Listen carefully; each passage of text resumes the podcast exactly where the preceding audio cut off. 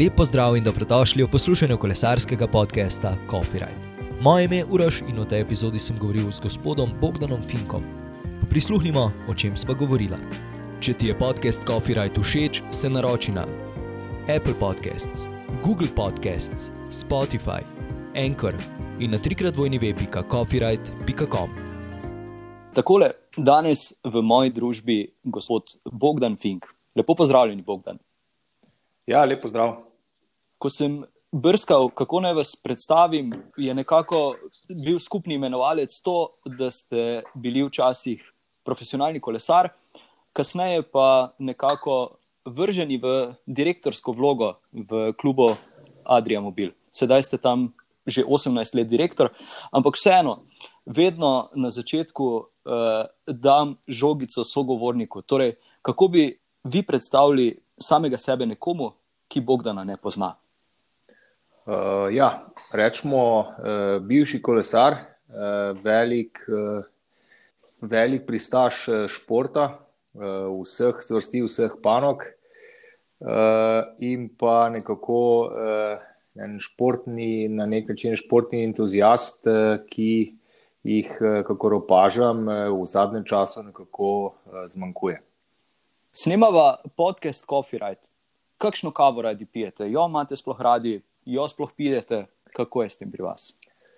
Mislim, da vsak kolesar uh, zelo rad pije kavo. Torej, to je nek ritual pred treningi, pred štarti, uh, tekme uh, zjutraj. Tako da uh, to, to ti ostane, in uh, zelo redki so uh, v kolesarskih športih, ki kave ne pijejo, in uh, jaz nisem med njimi. Tako da vam kavo rad in je večkrat jo spijem preveč.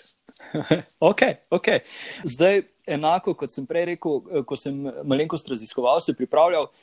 Veliko krat, oziroma skoraj v vsakem intervjuju se je pojavilo tole vprašanje, pa ga bom tudi jaz kljub temu ponovil, morda na kakšen drugačen način. Torej, tisto mladinsko svetovno prvenstvo v Middelbrewju v Veliki Britaniji, kjer ste osvojili bronasto medaljo za Jugoslavijo. Pa bom recimo tako rekel, če zdaj primerjava tisto dirko s sedajšnjimi, kakšno težo je recimo imela, uh, kako zelo, zelo pomembna je bila. Uh, ja, takrat so bila mladinska prvenstva. Uh še bolj, dosti bolj ločena od eh, članskih.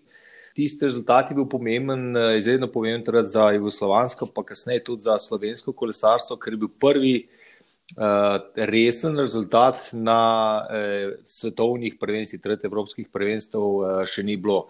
Ker v bistvu so naši, moji predhodniki, tudi v članski kategoriji, Eh, ki so nastopili tudi na olimpijskih igrah, svetovnih prvenstvih, so nam vedno trenerji govorili, tam se pa ne da, tam je pa težko, svetovno prvenstvo, pejte tja, pa probite po domače, probite držati glavnino in na koncu probite šprintati, kot se bo dalo.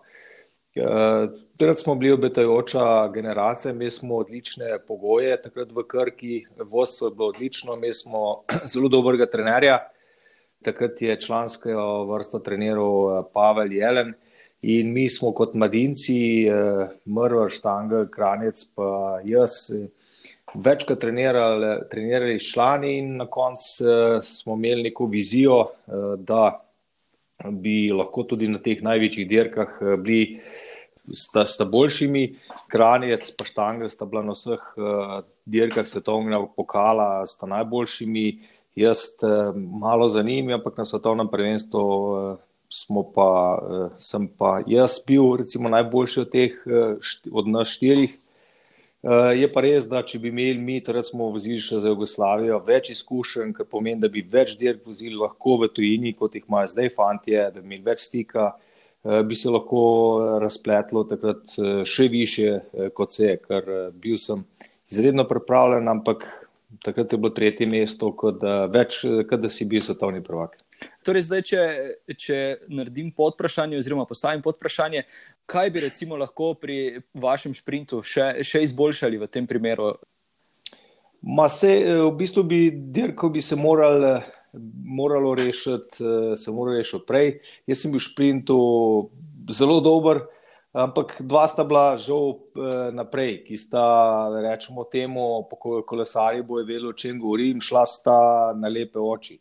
Eh, to se pravi, ko so drugi taktizirali, jaz osebno pa, ker sem bil edini eh, tam od naših, od naše reprezentance, pa tudi nisem izkušen, ker sem skozi gledal nazaj, danes bojo ujeli, v resnici pa do tega ni prišlo. In uh, na koncu je bila borba za tretje mesto, ki sem jaz bil v šprintu te manjše uh, skupine, najboljši in hvala Bogu, da se je tako izteklo. Odlično. Zdaj pa, da se vrnemo še čisto na začetke. Kako pa ste v bistvu se, se spoznali s kolesom, kje ste, ga, uh, kje ste recimo prvič sedli na? Takrat je bilo po šolah, ko smo mi, kolesarstvo je bilo v tistem času v velikem usponu v Novem mestu in okolici. In uh, imeli smo šolska prvenstva, potem področna, in pa prva tekma je bila kot večina uh, vseh uh, nomeških ali pa dolenskih kolesarjev, ena uh, dirka lokalna, ki se imenuje okoli, okoli Grma. Grm je elitna sosedska v novem mestu, je kilometr dolg krok. In skoraj da smo vsi enomeški kolesari tukaj začeli na tem, na tem krogu s prvim eh, tekmovanjem, s prvo tekmo smo, smo se srečali tam. Kolesarstvo je tudi zdaj eh, v, v teh zadnjih letih v ogromnem porastu. Kako pa recimo vi v Adriji vidite to? Imate porast upisa eh, mladih v klub ali morate v bistvu vseeno iskati otroke oziroma mladince, da se, da se upišejo k vam? Imamo velik prirastek, velik prirastek, velik upis, ampak kljub temu jih seveda tudi iščemo, ker eh, ne moremo se zanašati samo na tisto, tako mu rekel, kar pride. Je pa res, da imamo v zadnjih letih eh, kar ne, na nek način sladke probleme, kako organizirati treninge, ker jih je zelo veliko, trening na cesti, organizacija treninga na cesti je dosti težja kot recimo v dvorani ali pa na stadionu tako vidim, da kot direktor kluba, da trenerji delajo dobro, da se dobro razume starši in predvsem to, da te otroci radi prihajajo eh, na treninge. Im je to zanimivo, se družijo, predvsem ta socializacijski vidik, ki jim potem pa šele pridejo ta prava tekmovanja. Dobro, zdaj imamo v novem mestu tudi velodrom, eh, super je, jih imamo noter na krogu, so zaprti, ampak preslej vsi si želijo na cesto in pa ven. In kar opažam, eh, tudi otroci, zdaj prihajajo v klub otroci, ki niti nimajo kolesarskega izpita in včasih je to res težko skombinirati. Na kak način, recimo, pa, pa iščete talente? Recimo, ko sem govoril z Miho Koncilija, uh, imajo nekako tole začrtano pot, da iščejo talente na osnovnih šolah. Uh, se vi lotevate podobnega principa ali, ali morda na kak drug način uh, pristopate k mladim? Podobno, vsi imamo podoben princip. Uh, iskanje, razna testiranja, promocije in pa pogovori z profesori šolske eh, ali pa recimo športne vzgoje po raznih eh, po, po šolah, kdo je dober v krosu, kdo je dober v atletiki, motorika in tako naprej. Potem pa, eh, recimo, ker je zdaj ogromno ljudi na kolesih, se ponavadi rekreativne osobe, ki se ukvarjajo s tem rekreativno, se ponavadi tudi z njimi vozijo otroci tudi na tak način smo jih kar nekaj dobili v klub. In pa seveda to prijateljstvo med eh, otroki in potem med otroci, in tako gre potem naprej. Eh, zanimivo je to, da bom rekel, tisti, ki so največ dosegli v našem klubu, so šli potem tudi naprej, naredili odlične karijere v tojini. Zanimivo je to, da so, bili, da so imeli zmeri vzornika nekoga drugega v osnovni šoli, srednji šoli, ki je bil kolesar in potem so ga oni, ta jih je pripeljal v klub, in potem so ga oni nekako prerastli. Tisti, tisti, ki so bili pa takrat v mladinskih letih ali pa v kategoriji dečki, dečkov, neki šampioni, pa se zdaj ukvarjajo s popolnoma drugimi zadevami. Sami ste omenili že velodrom. Super pridobitev, glede na to, da je, da je prejšnji že imel kar probleme z, z, z načetostjo. Morda stremite tudi k kakšnim dobrim uvrstitvam na, na olimpijskih igrah in pa seveda na tekmovanjih v velodromu. Se premika tudi kaj v tej smeri? Mi smo začeli s treningom, vsake kolesarska zveza ima dva termina na teden, po dve ure, kateri, na kateri je trenutno zaradi razmer lahko hodijo samo članski člani, ki so kategorizirani športniki. Ko se to sprosti, imamo tudi še mladince, ki so še dva termina dodatno, ki vadijo, vendar vsi tega ne morejo, ker niso kategorizirani športniki, zdaj zaradi te situacije malo sla, to slabo. Uh, ko se to sprosti, pa sigurno uh, bo eh, več treningov.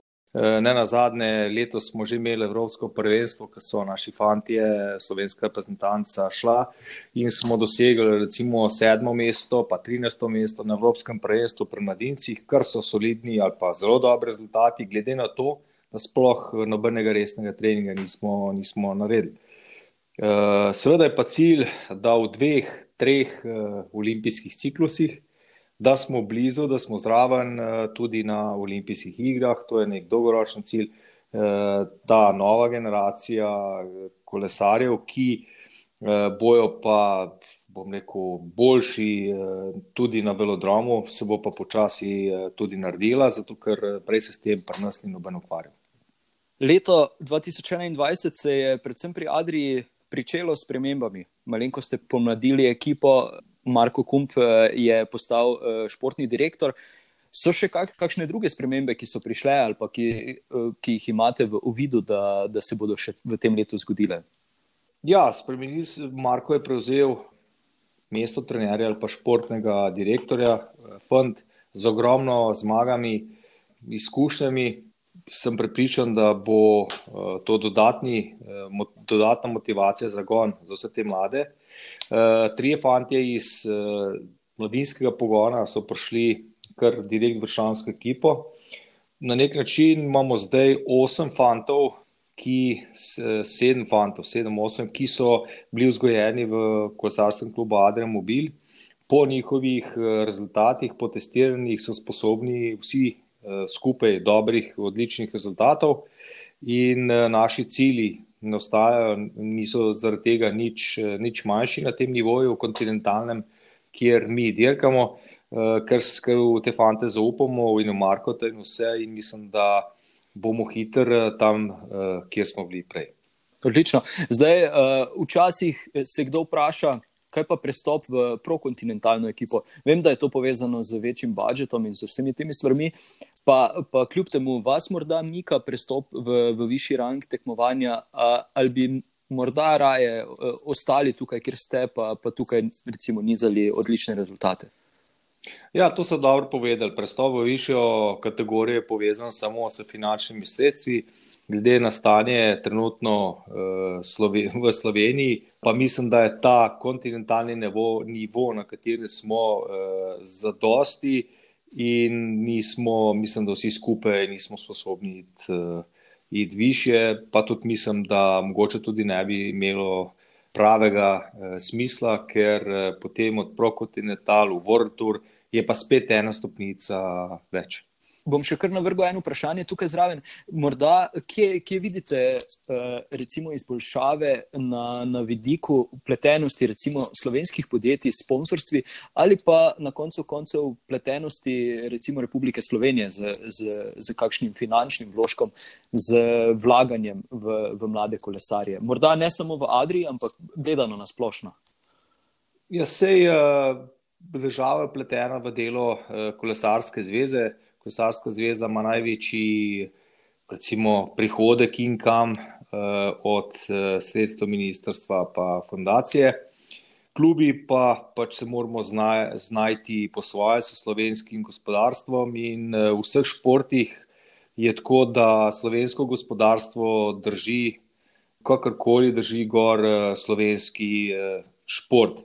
Da bi se država več upletla, jaz vidim v tem, da se zagotovi ustrezne pogoje, dobre pogoje za trening, za vadbo. In eh, teh, recimo, to pa se bi lahko zgodilo z, z brezplačnimi urami telovadnice, prnas velodroma, bazena in tako naprej. Tako bi imeli večje, boljše pogoje, eh, da bi sproducirali več eh, mladih, dobrih tekmovalcev v vseh športih, ki bi potem lahko šli naprej. 18 let ste že v Adriu Mobilu. Kaj bi recimo rekli, da je, da je tista največja razlika ali pa, ali pa nek prelom, ki se je zgodil uh, v, v teh letih? Kje, kje vi vidite recimo, največji napredek? Bom tako povedal, vsako, vsakih nekaj let se je zgodilo, se je nekaj zgodilo, neki premiki. E, imeli smo od začetka z Rimška, ki bi evropski prvak na velodromu, pa Brajkovič, svetovni prvak na, v kronometru. Potem je šlo to, zmagovali smo dirke, veliko smo jih uh, zmagali. Mislim, da je krona vsega bila leta 2013 uh, za moje vtis. Ko smo bili 20, ko smo se uvrstili na svetovno prvenstvo, morali so biti med prvih 20 ekip v Europe Touru, se pravi, mi smo tekmovali z prokontinentalnimi in kontinentalnimi ekipami, in na koncu smo v Firencah ekipni vožnji eh, zasedli 20. mesto. Takrat smo bili celo tudi boljši od eh, World Tour ekipe Lampre. Eh, je zmagal, je Kickstep, zaostanek na 4 minute. Uh, malo slovenskih klubskih eh, ekip v vseh športih je prišlo na svetovnem prvenstvu ali pa na uradnem tekmovanju med prvih 20, uh, ni njih veliko. Uh, to je bil en tak uh, mejnik leta 2015, ko je bil v ekipi tudi Primoš Rogli, zadnje leto smo dosegali ogromno UCI zmag ogromno dobrih eh, rezultatov, potem, eh, prišli, potem je Primo šel, Marko je šel, spet eh, nov ciklus, zdaj nov zagon, kot smo prej govorili, je velodrom. Skozi non-stop se nekako vrti, ali pa če rečemo kolo, obroč, ventilček enkrat gor, enkrat in na sredi, enkrat dol, bistvo pa je, da se non-stop vrti.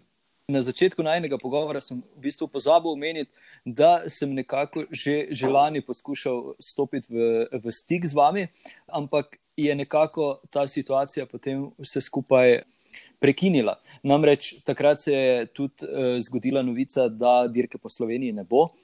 Kako pa so napovedi za letos? Vem, da je zelo nestanovitno karkoli napovedovati, ampak kljub temu. Ja, mi smo optimisti, jaz, jaz sem optimist, vsi smo optimisti, da v letošnjem letu dirko pripravimo. Seveda je pa, zavedamo pa se situacije takšne, kot je zdaj, da je eh, negotova, eh, nobenih pametnih eh, v tem trenutku, v začetek leta, odgovorov ne more noben dati, kako bo in s COVID-om, predvsem pa finančno stanje v Sloveniji, ker na konc koncev uh, je treba uh, pridito tudi sfinancirati. Kar se pa tiče lanskoletne tekme, pa odločitev pošla v pravem času, ni bilo nobenih, bom rekel, možnosti, da bi mi v junijskem terminu to tekmo zorganizirali. Neke govorice so se pojavile, tako jih zatreva v Kaliče, niso resnične, ampak bojda je po Sloveniji potovala snemalna ekipa, ki, ki bi naj snemala trase. Je to res, ni res? Uh, mogoče mislite, mi smo pripravljali in jih uh, smo tudi naredili tri plus še tri etape, se pravi, mislim, pet ali šest etap digitalne dirke po Sloveniji, ker uh, bo, se pravi, mi smo postavili, mislim, da še dodatno dve etape, to so digitalna dirka s, z našo z platformo Ruvi, to je češka platforma, na kateri tudi dirka po Švici. In eh, če greste na njihovo pla, platformo, imate Tour of Slovenija eh, Challenge in moram reči, da je kar uspešen.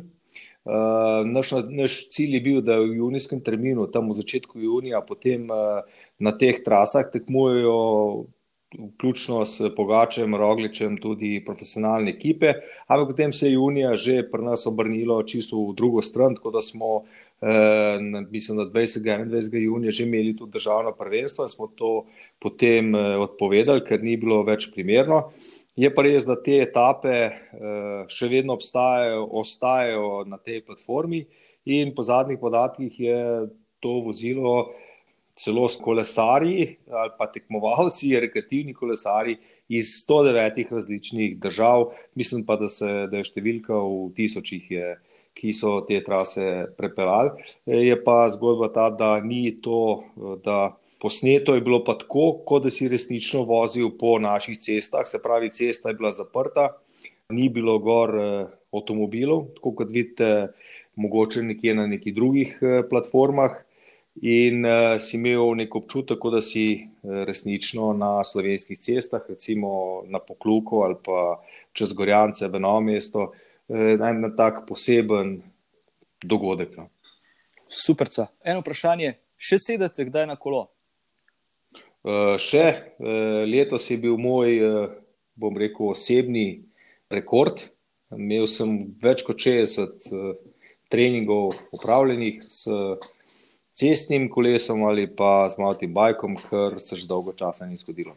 Kaj vas je bolj navduševalo, zdaj, ko pogledate nazaj? Je, to, uh, je bil to tisti del, ko ste bili kolesar, tekmovalec, ali je morda to ta uh, direktorska vloga, ki jo upravljate? Uh, ja, sigurno, ker si tekmovalec, je uh, takrat misliš, da ti je najtežje, da, da je mislim, najtežje, da imaš ogromno težav, skrbi.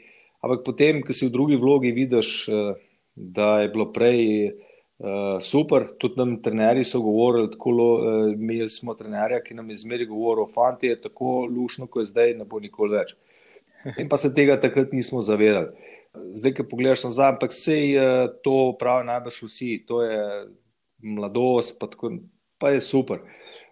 Zdaj pa pač smo uh, vsem v drugi vlogi.